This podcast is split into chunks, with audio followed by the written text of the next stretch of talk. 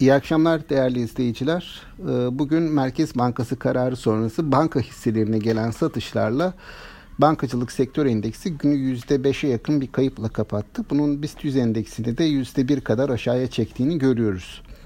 Tabi bu satışlarla birlikte bir süredir takip ettiğimiz banka bölü sanayi e, endeksi de bu ikisi arasındaki makasta yeniden bankalar lehine açılmış oldu. Aleyhine açılmış oldu. Burada e, biliyorsunuz geçtiğimiz hafta başlayan yükseliş yani çarşamba gününden itibaren ki geçtiğimiz çarşamba bu banka bölü sanayi e, kıyaslamasında dip seviye görülmüştü. Tarihsel dip seviye görülmüştü. Oradan hafif bir toparlanma e, izlemiştik. Fakat bu toparlanmanın çok çok önemli bir bölümü bugünkü satışlar sonrasında e, ortadan kalkmış oldu. Baktığımız zaman bu o, seviyelerin de altına gelinebilir mi? Gelinebilir. Ee, yani önümüzdeki günler bunu belirleyecek. Ancak e, bu seviyelerde de hani e, bu fark çok açılmış olmasından dolayı bir miktar destekli bulunabileceğini e, düşünüyorum ben.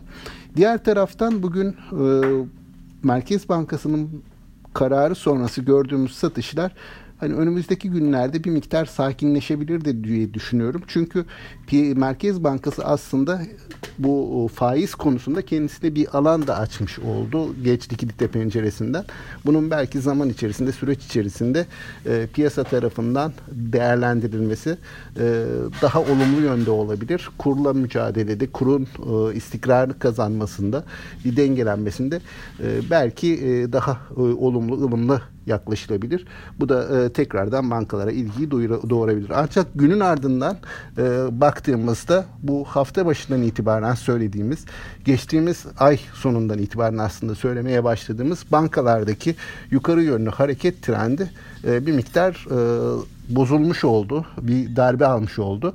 E, ancak hala da bankalar e, güçlü, güçlü üçüncü çeyrek sonuçları açıklayacaklar. Özellikle özel bankalar tarafında e, gelecek haftadan başlayarak. Bakalım bunun e, yansıması ne ölçüde olacak?